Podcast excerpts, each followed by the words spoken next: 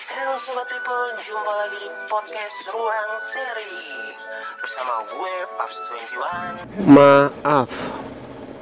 Semua orang bisa mengucapkan kata maaf, tapi tidak semua orang bisa memaafkan. Maaf merupakan ungkapan permintaan ampun atau penyesalan. Kata maaf diucapkan saat kita melakukan kesalahan atau menyakiti orang lain dengan kata-kata atau perbuatan.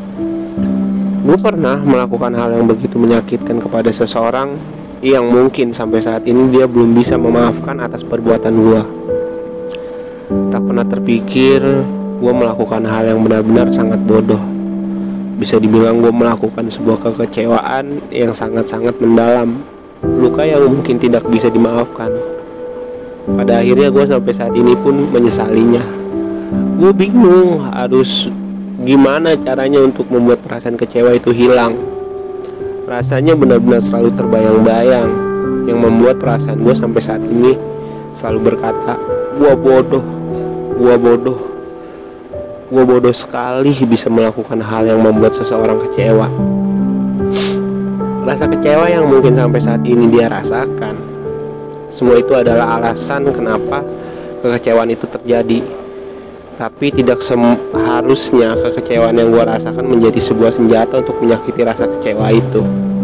Gue banyak belajar dari rasa kecewa yang dia berikan dan rasa sakit yang gue balas pada rasa kecewa itu.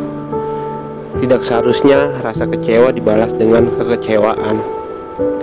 Hal yang gue petik dari sebuah pengalaman waktu itu adalah memaafkan memang mudah, yang susah itu mempercayai kembali. Untuk kalian yang mendengarkan podcast gue kali ini, gue mau bilang memaafkan adalah bentuk tertinggi dari pengertian dan bentuk terkuat dari kasih sayang. Percayalah, pada akhirnya akan ada satu alasan yang akan membuat kita pulang. Coba kalian dengerin lagunya Bang Anji, judulnya Menunggu Pulang. Dan terima kasih untuk kalian yang udah mendengarkan ruang sharing episode lanjutan dari sebuah kekecewaan kemarin. Thank you.